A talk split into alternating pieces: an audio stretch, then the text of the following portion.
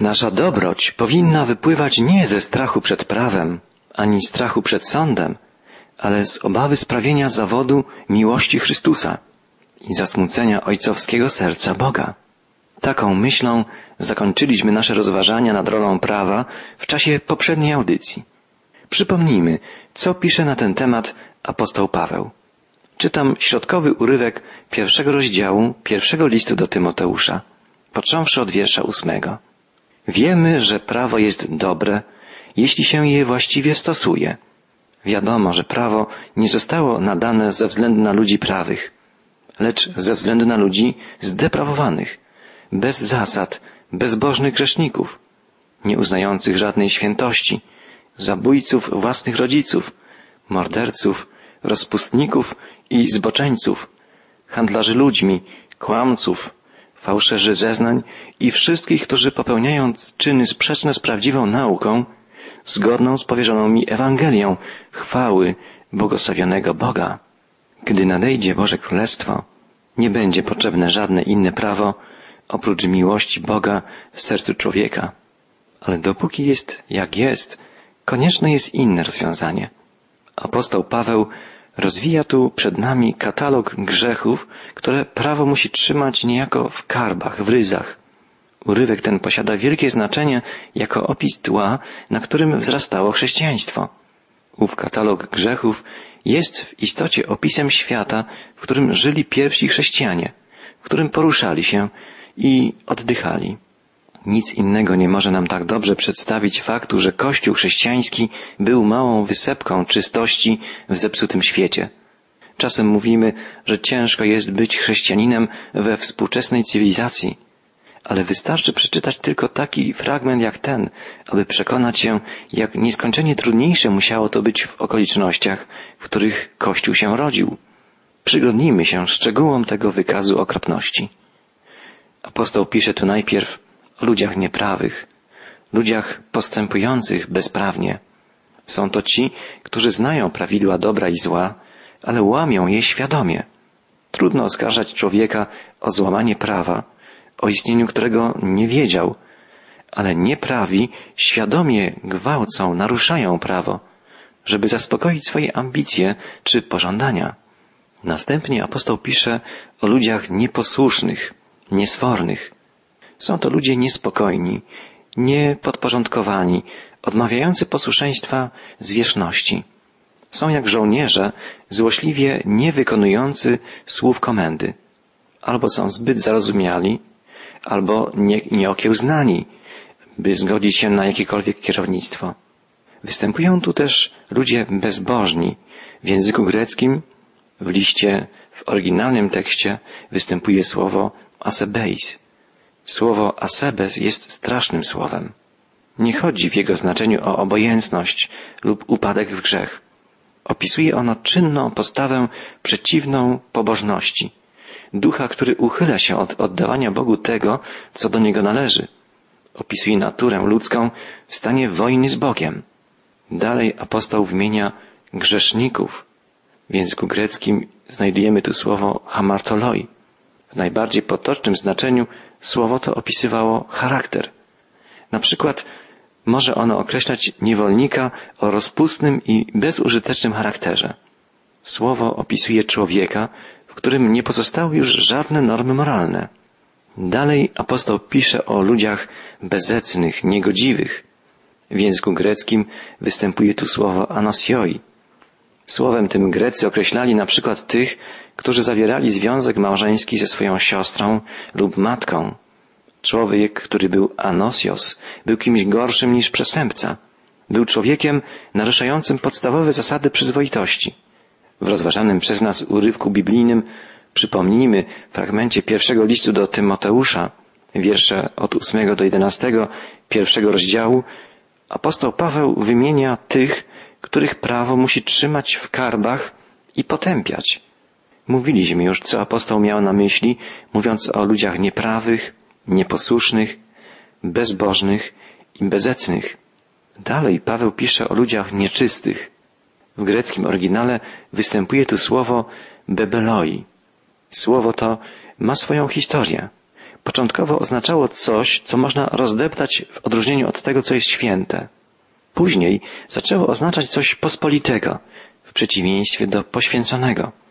Następnie człowieka, który dopuszczał się sprofanowania świętych rzeczy, człowieka gwałcącego na przykład Dzień Święty, poświęcony jakiemuś bóstwu, naruszający jego prawa. Człowiek, który był bebelos, kalał wszystko, czego się dotknął.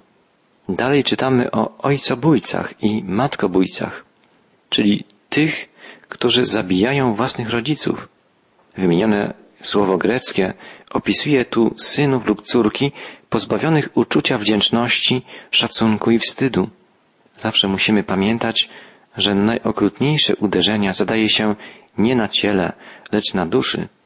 Występują tu też mężobójcy albo zabójcy. Paweł ma na myśli dziesięcioro przykazań i ukazuje, jak jedno za drugim złamanie ich cechuje świat pogański. Nie wolno nam jednak mniemać, że nie ma to z nami nic wspólnego, gdyż Jezus rozszerzył przykazania tak, że obejmują one nawet gniew przeciwko bratu. Apostoł pisze też o rozpustnikach i mężołożnikach. W języku greckim są to wyrazy pornoi i arsenokoitai. Dzisiejszym ludziom trudno jest wyobrazić sobie, w jakim stanie znajdował się świat starożytny w sprawach moralności seksualnej. Był wprost zniszczony zdrożnościami przeciwnymi naturze. Zupełnie niezwykłe było połączenie niemoralności z religijnością. Świątynia Afrodyty, na przykład, bogini miłości w Koryncie, zatrudniała tysiąc kapłanek, które były świętymi nierządnicami, prostytutkami. Wieczorami schodziły na ulice miasta dla uprawiania swego zawodu. Mówi się, że Solon był pierwszym prawodawcą w Atenach, który zalegalizował prostytucję, a z dochodów przynoszonych przez domy publiczne ustanowił wybudowanie świątyni Afrodyty, bogini miłości. Pewien misjonarz przebywający w Indiach zapisał w swoich komentarzach, iż był pewien kodeks w Indii, którego jeden z paragrafów zakazywał przedstawiania i wyobrażania nieprzyzwoitych scen, ale dodał ów misjonarz, że nie dotyczyło to wyobrażeń, rzeźb i malowideł na świątyniach i wewnątrz świątyń, ani wozów do procesji bóstw, ani żadnych przedmiotów do użytku religijnego. To niezwykłe, jak religie niechrześcijańskie powiązane były z niemoralnością i nieprzyzwoitością, kwitnącą w cieniu świątyni. Prawdą jest to, że czystość w dziedzinie seksu była zupełnie nową cnotą przyniesioną w świat starożytny przez chrześcijaństwo. Nie było łatwo zdobyć na życie zgodne z etyką chrześcijańską w tamtych czasach. Nie jest to łatwe także dzisiaj. Wezwanie o czystość moralną jest dzisiaj tak samo alarmujące i naglące jak wówczas. W tym smutnym spisie ludzi występujących przeciwko prawu apostoł Paweł umieszcza także tych, których Grecy nazywali andropodistai, czyli handlarzy niewolników lub porywaczy niewolników. Niewolnictwo było częścią składową świata starożytnego. Arystoteles pisał, że cywilizacja opiera się na niewolnictwie. Istnieli ludzie, którzy tylko po to żyli, by spełniać najniższe posługi życia dla wygody klas wyższych. Już wówczas trafiały się głosy krytykujące niewolnictwo. Na przykład Filon wyrażał się o handlarzach niewolnikami jako o pozbawiających ludzi ich najcenniejszego dobra wolności. Słowo, które znajdujemy w liście apostoła, opisuje bardziej porywaczy niewolników. Niewolnicy stanowili bardzo kosztowną własność. Przeciętny niewolnik, bez szczególnych uzdolnień, kosztował równowartość dzisiejszych 40 dolarów, a posiadający jakąś specjalność 3 do 4 razy więcej. Piękni młodociani niewolnicy byli szczególnie poszukiwani jako służba do osobistych usług. Czasem cena dochodziła do 1800 dolarów. O Marku Antoniuszu opowiadano, że zapłacił równowartość dzisiejszych 4000 dolarów za dwóch pięknie zbudowanych młodzieńców, których przedstawiano błędnie jako bliźniaków. W czasach, kiedy Rzym był szczególnie gorliwy w przyswajaniu sobie kultury greckiej, Niewolnicy biegli w literaturze greckiej, muzyce i sztuce byli tak cenni, że na przykład niejaki Lutacjusz Daphnis został sprzedany za równowartość siedmiu tysięcy dolarów. Z tego właśnie powodu częste były przypadki uprowadzania czy porywania niewolników. Takie porwania, szczególnie cennych niewolników, stały się rysem charakterystycznym życia starożytnego świata. Na koniec mamy na tej smutnej liście kłamców i krzywoprzysięzców, czyli ludzi, którzy nie wahali się wykręcać prawdę dla osiągnięcia niegodnych celów. I tak kończy się katalog grzechów sporządzony przez apostoła. Podkreśla on, że ludzie, którzy te grzechy popełniają, podlegają potępieniu przez prawo. Tworzy to żywy obraz atmosfery, w jakiej rodził się Kościół Jezusa Chrystusa. Apostoł pragnie, by chrześcijanie odwrócili się od wszelkich nieczystości tego rodzaju. Rozważany przez nas fragment listu apostoła Pawła mówi nie tylko o grzechach, które powodują, że ludzie podlegają potępieniu prawa. Jest też tu zawarta prawda o tym, czym w istocie jest chrześcijaństwo. Po pierwsze, jest ono, jak podkreśla apostoł, zdrową nauką. Chrześcijaństwo jest religią etyczną. Żąda od człowieka nie tylko przestrzegania pewnych rytualnych obrządków, ale również prowadzenia dobrego życia i przede wszystkim prowadzenia dobrego życia. Jeden z misjonarzy przeprowadzał porównanie między chrześcijaństwem a islamem. Mahometanin może uchodzić za bardzo świętego człowieka, jeśli tylko przestrzega pewnych rytualnych przepisów, chociażby jego życie moralne było nieczyste. Cytując pewnego pisarza marokańskiego, pisze ów misjonarz, wielką plamą na mahometańskim wyznaniu wiary jest oddzielenie przekonań od praktyki, tak, że nie muszą one koniecznie iść w parze, za wyjątkiem praktyk rytualnych. Człowiek może być dogłębnie zepsuty, a równocześnie uchodzić za bardzo religijnego, oczekującego błogosławieństw, jako przebywający w społeczności z Bogiem, bez żadnego poczucia nieszczerości. Taki stan rzeczy stał mi się szczególnie jasny, gdy pewnego razu jeden z Maurów zauważył, chcesz wiedzieć, czym jest nasza religia? Oczyszczamy siebie wodą, planując cudzołóstwo. Zdążamy do meczetu na modlitwę, obmyślając równocześnie, jakby najlepiej oszukać swojego sąsiada. Dajemy u wrót jałmużnę i wracamy do naszego sklepu, by obrabowywać, czytamy nasze Korany i wychodzimy, aby popełniać nieopisane grzechy. Pościmy, udajemy się na pielgrzymki, a kłamiemy i zabijamy. Musimy zawsze mieć w pamięci to, że chrześcijaństwo nie jest tego typu religią. Nie jest przestrzeganiem rytuałów. Nawet jeśli by ten rytuał składał się z czytania Pisma Świętego i chodzenia do kościoła, to nie wystarczy. Chrześcijaństwo, jeśli ma być prawdziwe, jeśli ma dawać życie i zdrowie, jest moralnym środkiem odkażającym, które jako jedyne może i potrafi oczyścić nasze życie. Po drugie, podkreśla apostoł, chrześcijaństwo to Ewangelia chwały, inaczej mówiąc, pełna chwały dobra nowina o zbawieniu. Jest dobrą nowiną przebaczenia wszystkich grzechów i zwycięstwa nad grzechami w przeszłości i w przyszłości. Jest dobrą nowiną Bożego miłosierdzia, Bożego oczyszczenia i Bożej łaski. I po trzecie, jest to Ewangelia Boga. Pochodzi od Boga. Ewangelia chrześcijańska nie jest wynalazkiem człowieka. Jest objawieniem pochodzącym od Boga. Oferuje nie tylko pomoc człowiekowi, ale także moc pochodzącą od Boga do dokonania tej przemiany.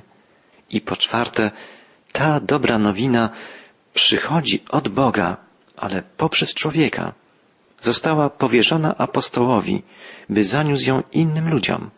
Bóg ma ofertę, którą chce przekazać ludzkości poprzez swoich wysłańców.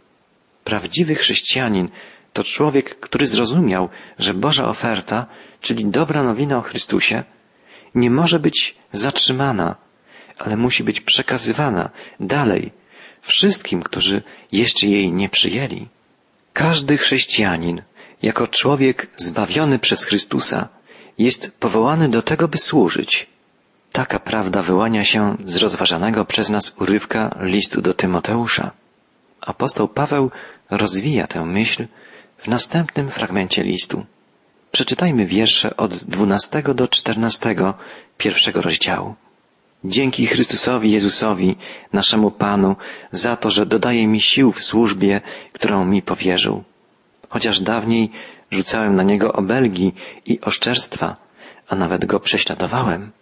Mimo to Bóg zmiłował się nade mną, bo działałem w niewierze. Nasz Pan, Jezus Chrystus, okazał mi bezgraniczną dobroć, wierność i miłość. To prawdziwy hymn wdzięczności. Apostoł Paweł opisuje cztery dzieła, za które pragnie dziękować Jezusowi. Dziękuję po pierwsze za to, że Jezus go wybrał. Apostoł nigdy nie odczuwał, że to on wybrał Chrystusa. Zawsze podkreślał, że Chrystus wybrał jego. Jak gdyby w czasie, gdy Paweł biegł prosto do zguby, Jezus Chrystus położył swoją rękę na jego ramieniu i zatrzymał go. Jak gdyby w czasie, gdy tak był zajęty odrzucaniem życia i walką przeciwko Jezusowi, Chrystus nagle go powstrzymał i otrzeźwił. Znana jest historia pewnego polskiego lotnika walczącego nad Anglią w czasie II wojny światowej. Miał on na swoim koncie więcej przypadków niezwykłego uniknięcia śmierci w ciągu kilku zaledwie lat niż większość ludzi w ciągu całego życia. Potrafił opowiadać swoją historię ucieczki z okupowanej Europy, o skokach na spadochronie, o wyratowaniu z morza, kiedy został zestrzelony. A na koniec jego niezwykłej opowieści zawsze dodawał z błyskiem zdumienia w oczach. A teraz należę do Boga. Tak właśnie to odczuwał apostoł Paweł. Należy do Boga, bo Bóg go wybrał, ocalił. Po drugie, apostoł dziękuje Jezusowi za to, że uznał go za godnego zaufania było wciąż przedmiotem wielkiego zdumienia dla apostoła Pawła, że on, prześladowca, został wybrany na misjonarza, na sługę Chrystusa. Nie tylko Chrystus mu przebaczył, ale zaufał mu. Bywa tak, że potrafimy przebaczyć człowiekowi, który dopuścił się jakiejś winy albo grzechu, ale równocześnie uznajemy za oczywiste, że ta przeszłość uniemożliwia nam obdarzenie go zaufaniem i powierzenie mu jakiejś odpowiedzialności. Tymczasem Chrystus nie tylko przebaczył Pawłowi, ale powierzył mu niezwykłe dzieło do wykonania. Człowiek, który był prześladowcą, został mianowany ambasadorem Chrystusa. Po trzecie, Paweł dziękuje Chrystusowi za to, że zlecił mu służbę. Musimy dobrze zważać, do czego Chrystus go wyznaczył. Został on wyróżniony do służby, powołany, by służyć. Apostoł Paweł nigdy nie uważał się za wyznaczonego do zaszczytów albo do kierownictwa w kościele. Nie, został zbawiony, by służyć. Z opowiadań Plutarcha wiemy, że Spartanin, który wygrał w jakichś zawodach, miał w nagrodę prawo stać w bitwie obok króla. Pewien zapaśnik spartański na Igrzyskach Olimpijskich nakłaniany był przy pomocy znacznej łapówki do wycofania się z zawodów, ale odmówił. Później, dzięki nadludzkiemu wysiłkowi, wygrał. Wówczas ktoś go zapytał, i cóż ci to przydało? Na co ci to przyszło, Spartaninie? Co masz z tak kosztownego zwycięstwa? A on odpowiedział, zdobyłem przywilej stania przed moim królem w czasie bitwy. Jego nagrodą było służyć królowi, a jeśli trzeba, to umrzeć za niego. Apostoł Paweł znał swoje wybranie do służby, a nie do zaszczytów. I po czwarte, apostoł dziękuje Bogu za to, że Chrystus go wzmocnił, że przyobrógł go w moc. Apostoł już dużo wcześniej odkrył, że Jezus Chrystus nigdy nie daje człowiekowi zadania bez wyposażenia go w moc do spełnienia tego zadania. Apostoł Paweł nigdy by nie powiedział, patrz, czego dokonałem. Zawsze mówił, Patrz, do czego Jezus Chrystus mnie uzdolnił. Drogi przyjacielu, nikt z nas nie jest na tyle dobry, ani na tyle czysty, mądry czy silny, by mógł być sługą Chrystusa. Nikt z nas nie jest na tyle dobry, czysty, mądry, silny, byśmy mogli stać się sługami Chrystusa. Jednak ten, kto odda ster swojego życia Jezusowi i będzie mu ufał na co dzień i pójdzie przez życie nie we własnej sile, ale w mocy swego Zbawiciela i Pana,